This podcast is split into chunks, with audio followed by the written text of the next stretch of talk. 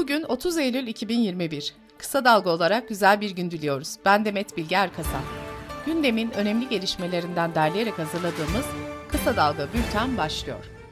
Sayıştay 2020 denetim raporlarında kamuda çok sayıda hatalı işlem tespit etti. En fazla hatalı işlem tespiti 3427 bulguyla mahalli idarelerde oldu. Bazı kamu kurumları ise bilgilerini paylaşmadı. Örneğin 147 idare raporlarını tüm başlıklarla ilgili bilgileri içerecek şekilde vermedi. 73 idare ise kullanılan kaynaklar hakkında bilgi sunmadı. 121 idare yapılan yardımlara ilişkin bilgileri faaliyet raporuna aktarmadı. Sayıştay raporlarındaki çarpıcı bilgiler ortaya çıkmaya devam ediyor. Cumhurbaşkanlığının 2020 giderlerinin toplamının 2.8 milyar lira olduğu belirtildi. Sayıştay'ın Cumhurbaşkanlığı 2020 raporunda bütçeyle Cumhurbaşkanlığına 3.1 milyar lira başlangıç ödeneği tahsis edildiği vurgulandı. Sayıştay'ın Adalet Bakanlığı denetim raporuna göre ise Adana'da cezaevi için projelendirilen ödenekle hakim ve savcılara lojman yapıldı. CHP Genel Başkanı Kemal Kılıçdaroğlu dün emekli polislerle kahvaltıda bir araya geldi. Kılıçdaroğlu, siyaset müdahale etmediği zaman bu ülkenin huzurunu sağlarsınız. Bir gram kokain bu ülkeye girmez diye konuştu. HDP'nin Kürt sorununun çözümü için meclisi adres gösterdiği 11 maddelik tutum belgesine tepki gösteren AKP Grup Başkan Vekili Cahit Özkan, her satırına baktığımızda güzel bir ambalaj içerisine sarılmış terörün meşrulaştırılmasını görüyoruz dedi. Güçlendirilmiş parlamenter sistemin altyapısını hazırlamak için bir araya gelen muhalefet partileri ortak bir metin hazırlamaya çalışıyor. CHP Hukuk ve Seçim İşleri Başkanı Muharrem Erkek, temel ilkelerde uzlaşma çalışmalarının olumlu ilerlediğini söyledi. Erkek, Türkiye için işbirliği yapıyoruz, temel ilkelerimizi ortak bir metin haline getirmek istiyoruz dedi. Deva Partisi Hukuk ve Adalet Politikaları Başkanı Mustafa Yeneroğlu ise muhalefet partilerinin Ekim'in ilk haftasında mecliste bir araya geleceğini açıkladı.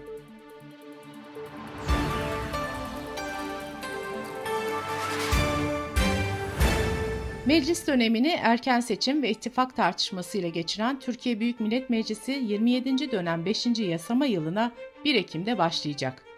Paris İklim Anlaşması'na onay, vergi paketi, sosyal medya düzenlemesi ve bütçe görüşmeleri yeni yasama yılında öne çıkan temel çalışma konuları olacak. Agos gazetesi genel yayın yönetmeni Hrant Dink cinayetine ilişkin davadan dosyası ayrılan firari sanıklara ilişkin davada Zekeriya Öz ve Ekrem Dumanlı'nın kaçak sayılma şartları oluştuğu gerekçesiyle mal varlıklarına el konulmasına karar verildi. İzmir 3. İdare Mahkemesi Seferihisar ilçesine bağlı Orhanlı köyünde Karen Elektrik firması tarafından yapılmak istenen jeotermal enerji santrali projesinin iptaline karar verdi. İstanbul Valiliğinde İstanbul Valisi Ali Yerlikaya'nın da katılımıyla devlet üniversitelerinin rektörleriyle öğrencilerin barınma ihtiyacını karşılamaya yönelik arsa değerlendirme toplantısı yapıldı. İstanbul Büyükşehir Belediyesi Sözcüsü Murat Ongun, bu yıl ihtiyaç sahibi her üniversite öğrencisine 3200 liralık eğitim desteği verileceğini, taleplerin de 5 Ekim'den itibaren alınmaya başlanacağını söyledi. Bültenimize COVID-19 haberleriyle devam ediyoruz.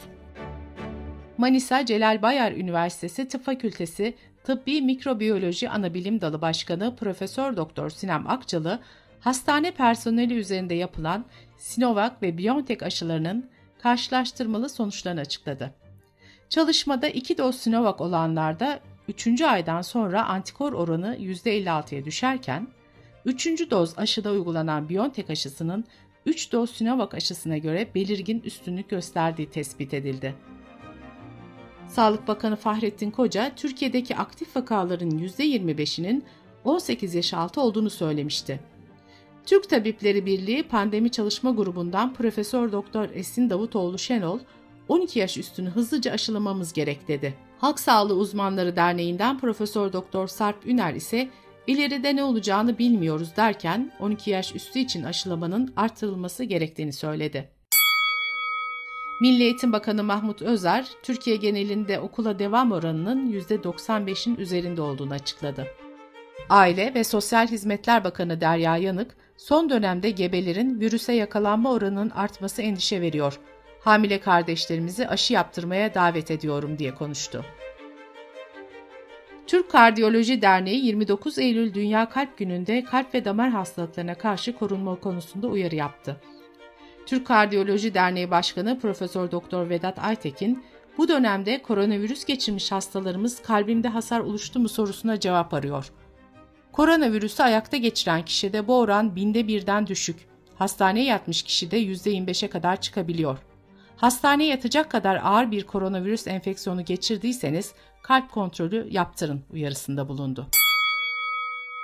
Aşı karşıtı olan Brezilya Devlet Başkanı Bolsonaro'nun COVID'e karşı mucize tedavi diye lanse ettiği ilaçların bir hastane zinciri tarafından hastalardan habersiz test edildiği iddia edildi. Geçen yıl Mart ve Nisan aylarında denek olarak kullanılan hastalardan en az 9'unun yaşamını yitirdiği, ölüm belgelerinin COVID-19'u içermeyecek şekilde değiştirildiği iddia ediliyor. Hastane, hastalar kendileri istedi savunmasını yaparken Brezilya Sağlık Bakanlığı soruları yanıtsız bırakıyor. İsveç Halk Sağlığı Müdürlüğü ülkede salgının tamamen kontrol altına alındığını ve bu nedenle virüse karşı alınan tüm önlemlerin kaldırıldığını açıkladı.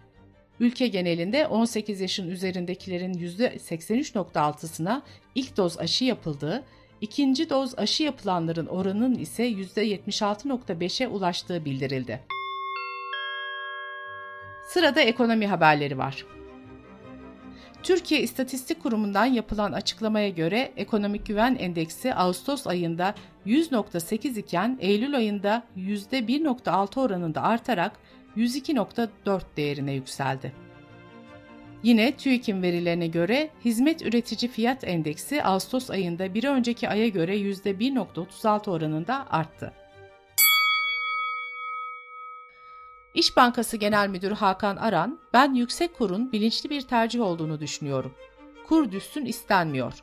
Kur artışının enflasyon etkisini hariç tutuyorum, üretimi teşvik etmek için kullanıldığını sanıyorum dedi.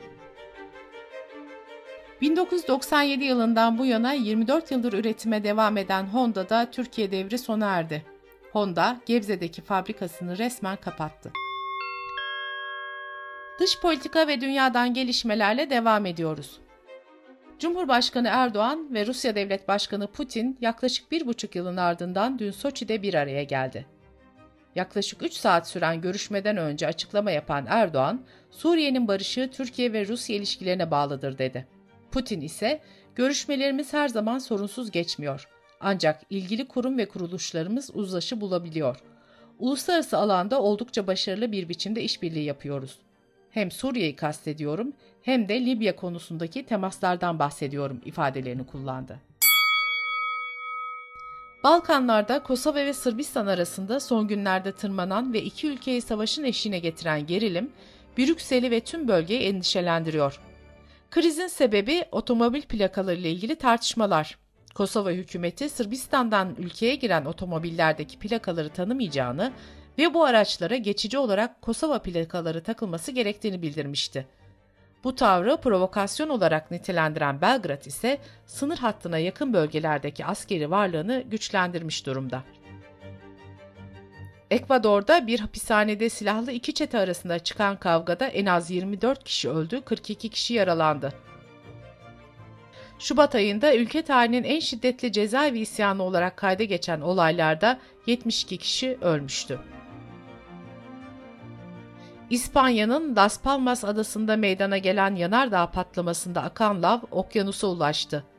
Uzmanlar zehirli gaz ve patlamaların yaşanma olasılığına karşı uyarıda bulundu. Lavın deniz suyu ile buluşmasının klor içeren kimyasal bir reaksiyon oluşturabileceği, bunun da deriyi, gözleri ve solunumu etkileyebileceği belirtiliyor. Bültenimizi kısa dalgadan bir öneriyle bitiriyoruz. Bağımsız olmak veya bağlanmak. Diva Uluçay hayatımızı temelinden etkileyen bu ikilemin izini sürüyor ve yanıtı bulmanız için bakmanız gerekenleri anlatıyor. Kısa Dalga.net adresimizden ve podcast platformlarından dinleyebilirsiniz. Gözünüz kulağınız bizde olsun. Kısa Dalga Medya.